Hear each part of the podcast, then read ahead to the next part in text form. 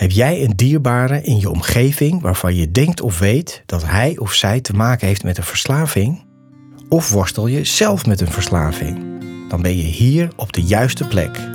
Mijn naam is René van Kolm en na 30 jaar verslaving ben ik clean en in herstel vanaf 2010 en werk ik sinds 2015 als familiecounselor.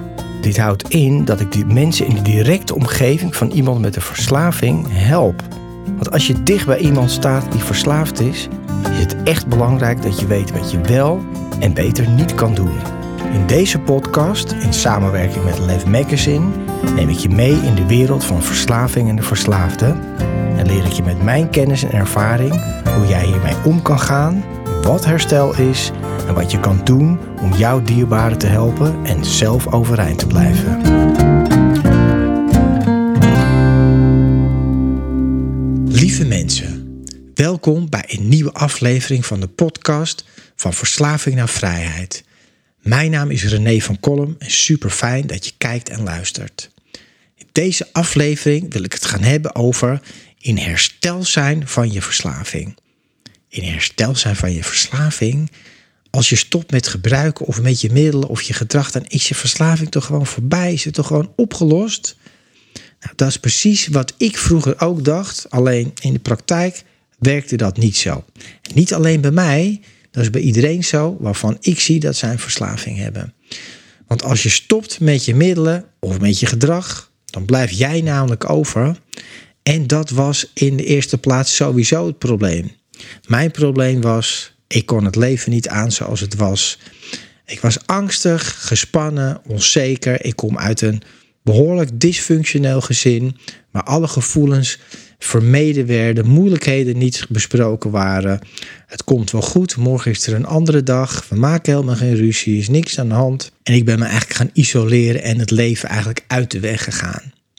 Nou, dat is misschien een bekend verhaal voor veel mensen. En andere mensen hebben andere verhalen. Maar wat je wel ziet, dat het stoppen van jouw middelen of jouw gedrag, als dat een verslaving is, dat is niet de oplossing voor het probleem. Daarmee begint het pas.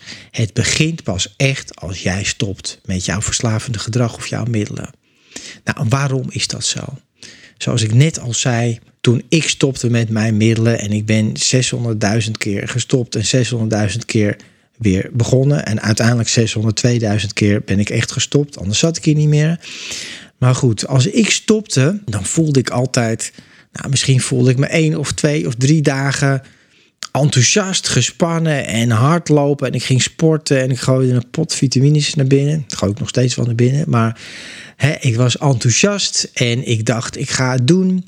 En dan hoefde er maar iets te gebeuren in de zin van een teleurstelling, iets moeilijks een wolkje aan de horizon. Ik weet nog, ik woon in Zandvoort. Ik woon nog steeds in Zandvoort. En in, in de zomer was het dan altijd bruisend.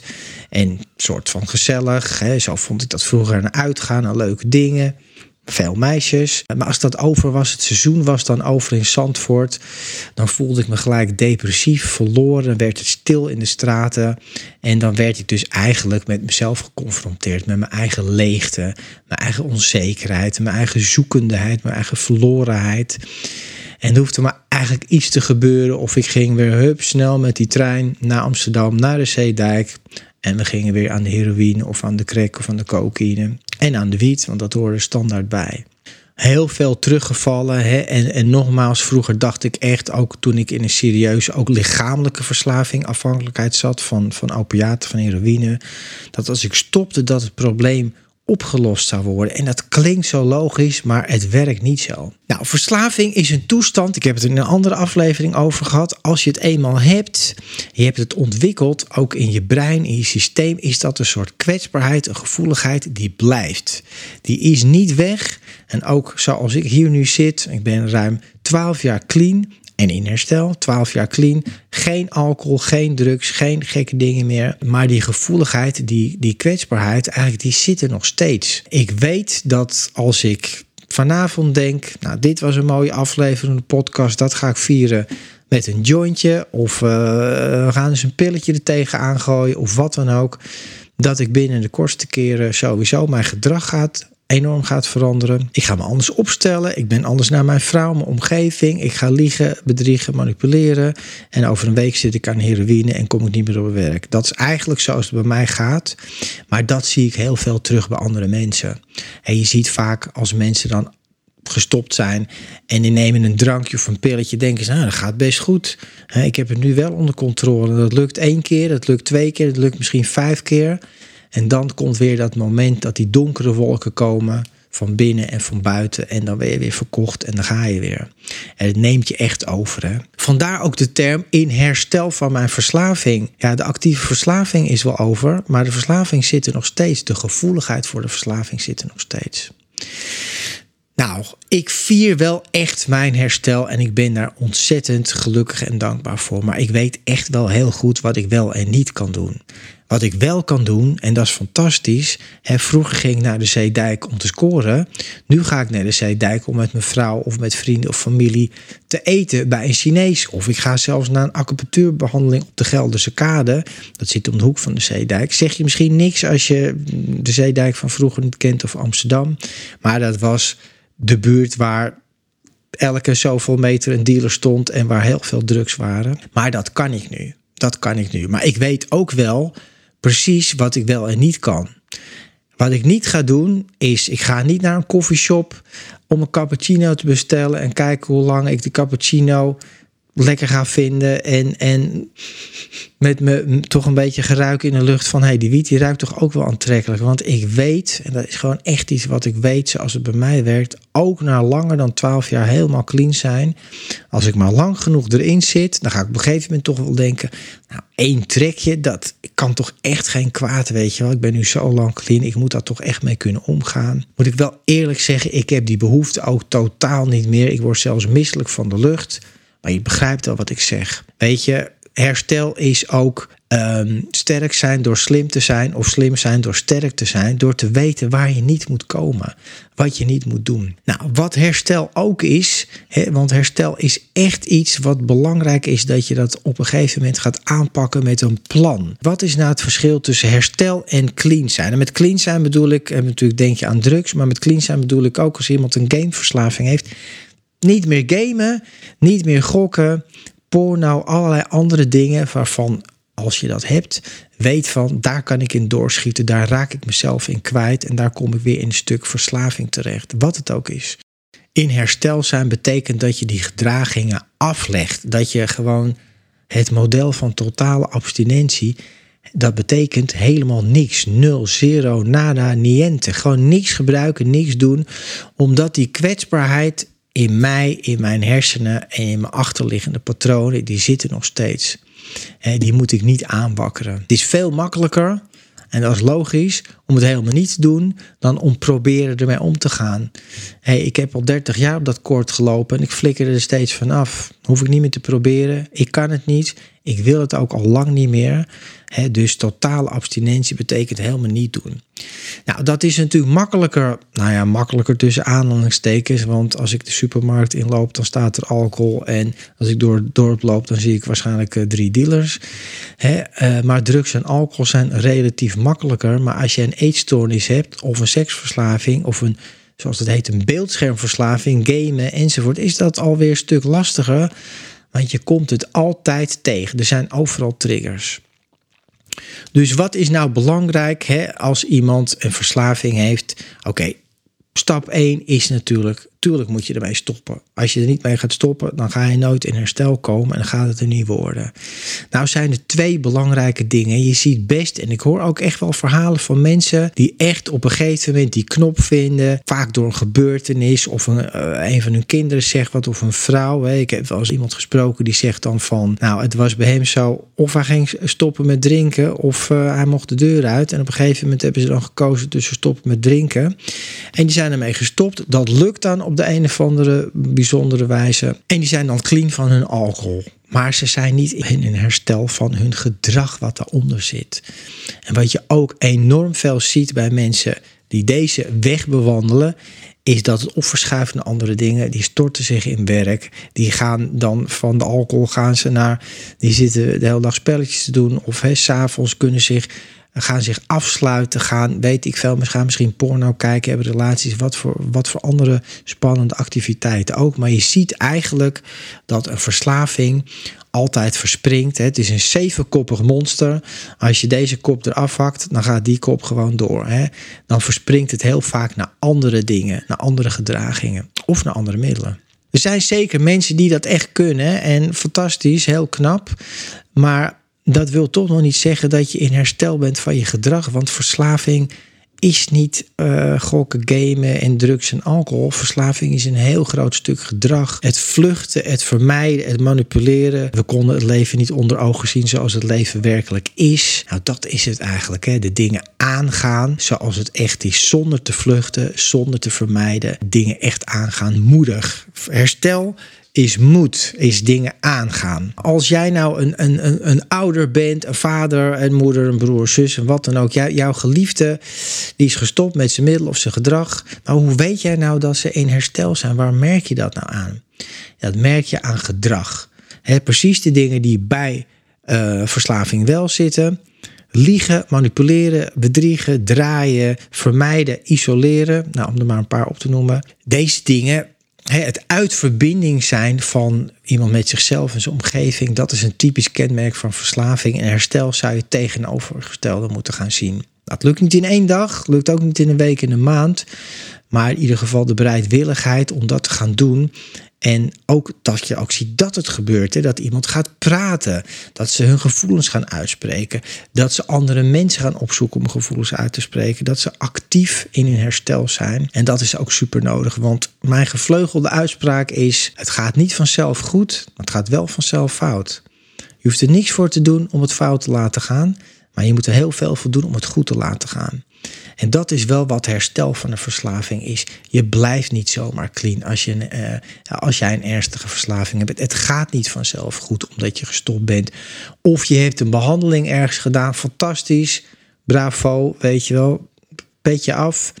Maar dan ben je er nog lang niet. Of je hebt een paar meetings bezocht of een interessant boek gelezen. Herstel is een dagelijkse training, een mindset en eigenlijk een, ja, een levensdoel, een pad wat je elke dag opnieuw bewandelt, totdat dat helemaal van jezelf wordt. Het leven aangaan zoals het is, dingen aanpakken. Ik ben een fan, absolute fan. En het is eigenlijk een programma waar je geen reclame voor hoort te maken. Maar ik doe het wel, omdat wat mij betreft, hoe meer mensen in herstel komen, hoe beter voor ons allemaal. En hoe meer gezinnen er gered worden en hoe meer families weer gelukkiger kunnen zijn. Waar ik het over heb, is het enige programma in mijn beleving wat gewerkt heeft. In ieder geval voor mij, maar ook voor alle andere mensen die ik ken. Het 12-stappenprogramma. Het is een bijzonder mooi programma. Van oudsher is misschien voor sommige mensen bekend de AA, de anonieme alcoholisten. Je ziet wel eens een Amerikaanse film. Dan zitten ze in zo'n groepje en dan zegt iemand, uh, weet je, hallo, uh, in het Engels.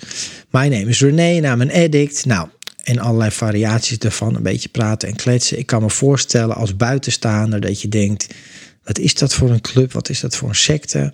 Nou, wat het is, is er wordt met twaalf stappen gewerkt. Er is een methode, twaalf stappen die je doorloopt met lotgenoten. Mensen die die weg hebben bewandeld van herstel, hè, van abstinentie, van eigenlijk echt afscheid en afstand nemen van je verslaving. Die weten wat dat is en de een helpt de andere. Nou, ik dacht in het begin hoe kan ik nou met een zootje verslaafde, hoe kunnen die mij nou gaan helpen in clean te blijven? Nou, dat zag ik dus echt niet gebeuren. Aan de andere kant moet ik ook zeggen dat de gewone hulpverlening, dat ging me ook niet worden, want daar was ik al heel vaak geweest en dat ging me ook niet helpen. En het zijn natuurlijk mensen die in hun herstel zijn van een verslaving. De een misschien een week of een dag, en die komen net kijken. Maar er zitten altijd op meetings mensen die maanden tot jaren cleantijd hebben. Ja, die hebben dat pad gelopen. Die weten waar ik vandaan kom. Die hebben dat zelf ook gedaan. Die kunnen mij zeggen wat ik wel en niet moet doen. En daar kan ik mee levelen. 12 stappen programma, ik ben een enorme fan van. Dus hersteltip 1, ga naar het 12 stappen programma. Je hebt allerlei variaties van alcohol tot drugs, tot gamen, tot gokken, tot wat dan ook. Zoek een groep waar jij je fijn vindt. En het is geweldig. In Amsterdam zijn geloof ik al 80 meetings per dag.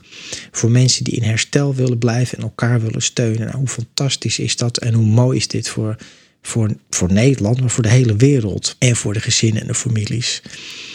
En hè, dat is eigenlijk regel 1. Doe het niet alleen. Dat ruimt.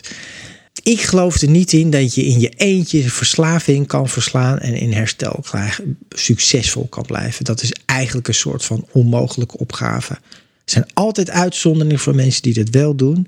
Het gros van de mensen met de verslaving lukt dat niet.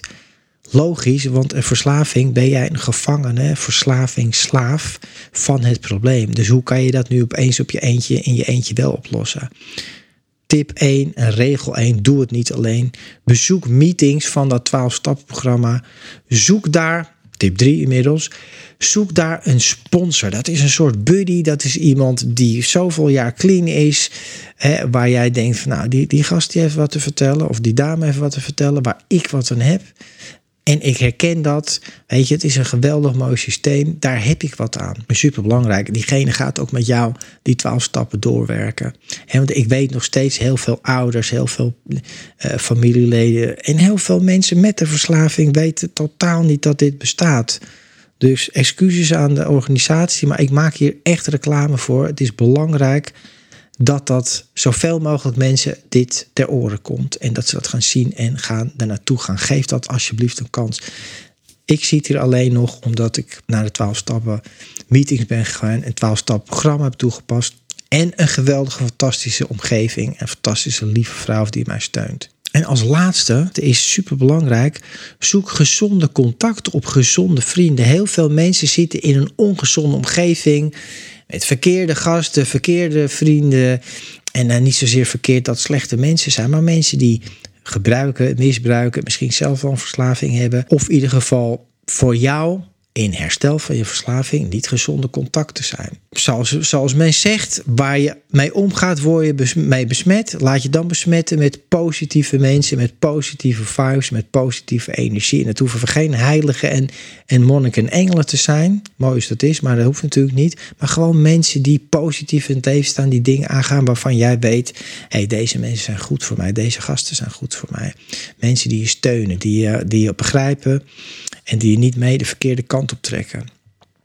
En een basisding wat ik zelf ook toepas, wat logisch is in gewoon een gezonde levensstijl.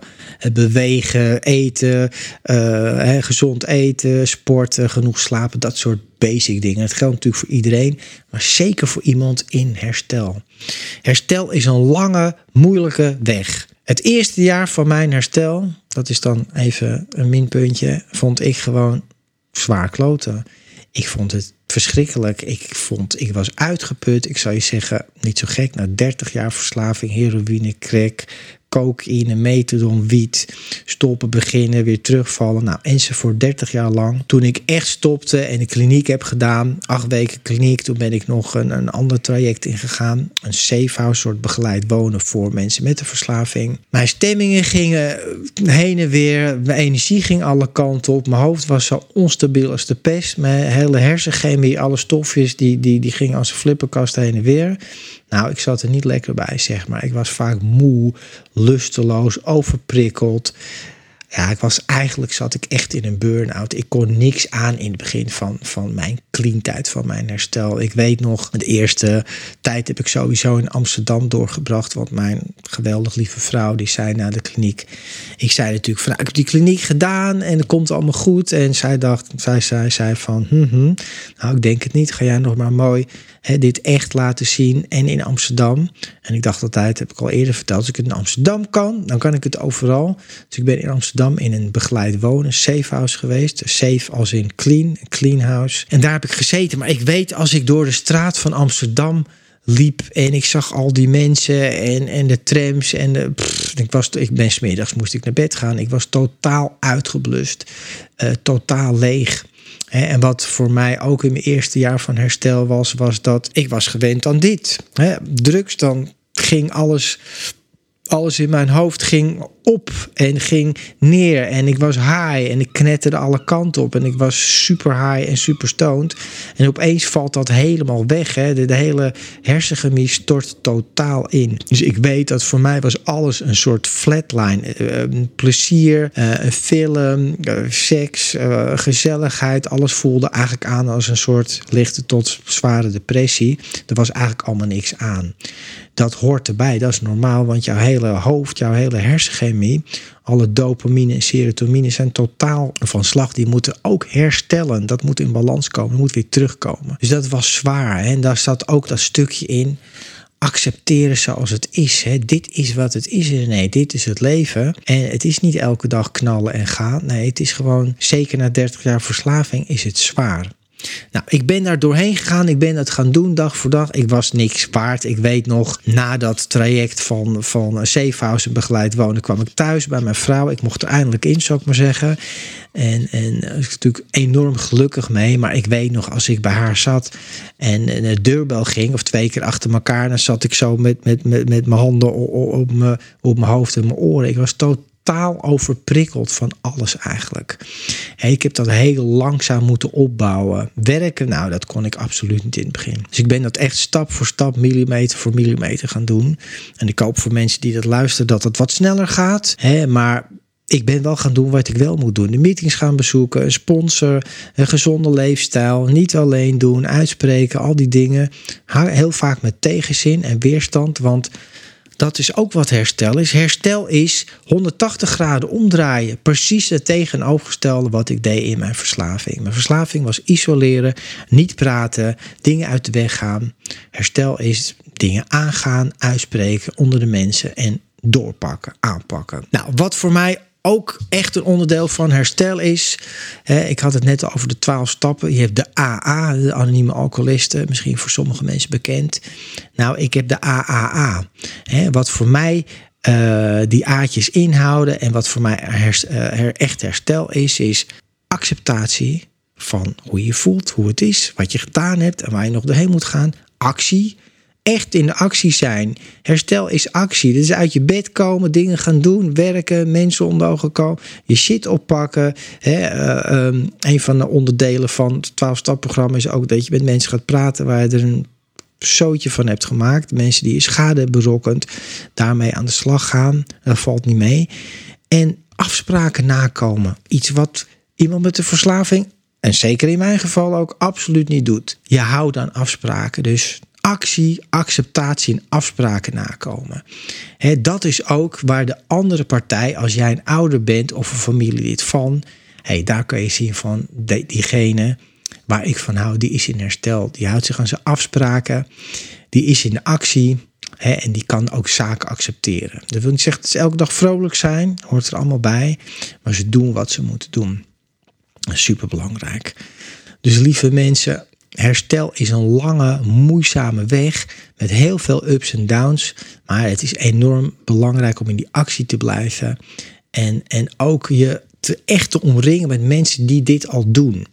het is, ik vergelijk het ook wel eens met naar de sportschool gaan. Het is ook zo, ik hoor ook wel eens van mensen, ja, ik ben een paar meetings geweest of een tijdje. Dan doen ze een tijdje, doen ze die dingen, die acties, afspraken nakomen en uh, acceptatie en dan laten ze het varen. En wat gebeurt er dan? Ik zei het al eerder. Het gaat niet vanzelf goed, het gaat vanzelf fout, ze vallen weer terug. Dat is ook zo triest. Hè?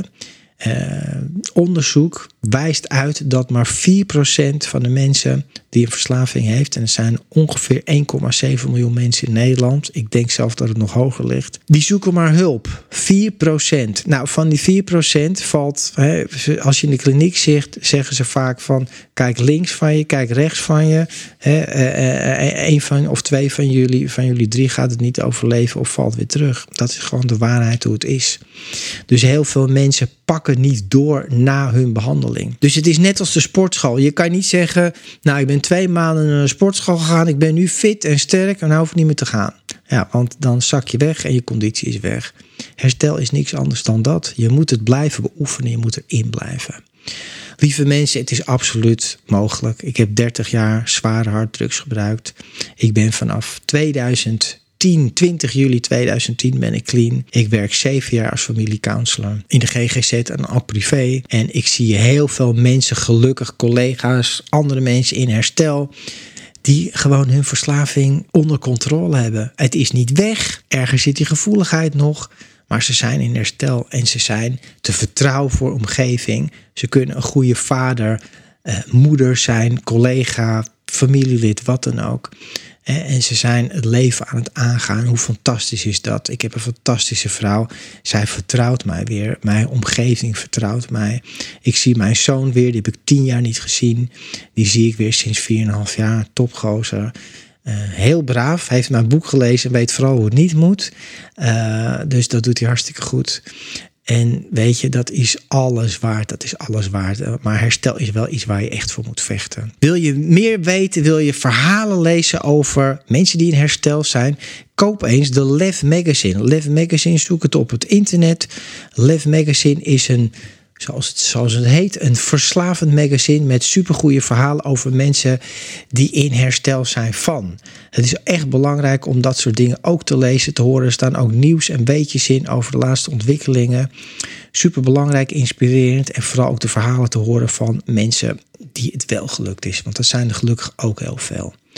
Lieve mensen, dank jullie wel voor het kijken en luisteren. Ik wens iedereen heel veel herstel, ook de families toe, want families moeten ook in herstel komen van hun patronen. Het zorgen voor de verslaafden, enzovoort, enzovoort. En dat gaat ook niet vanzelf.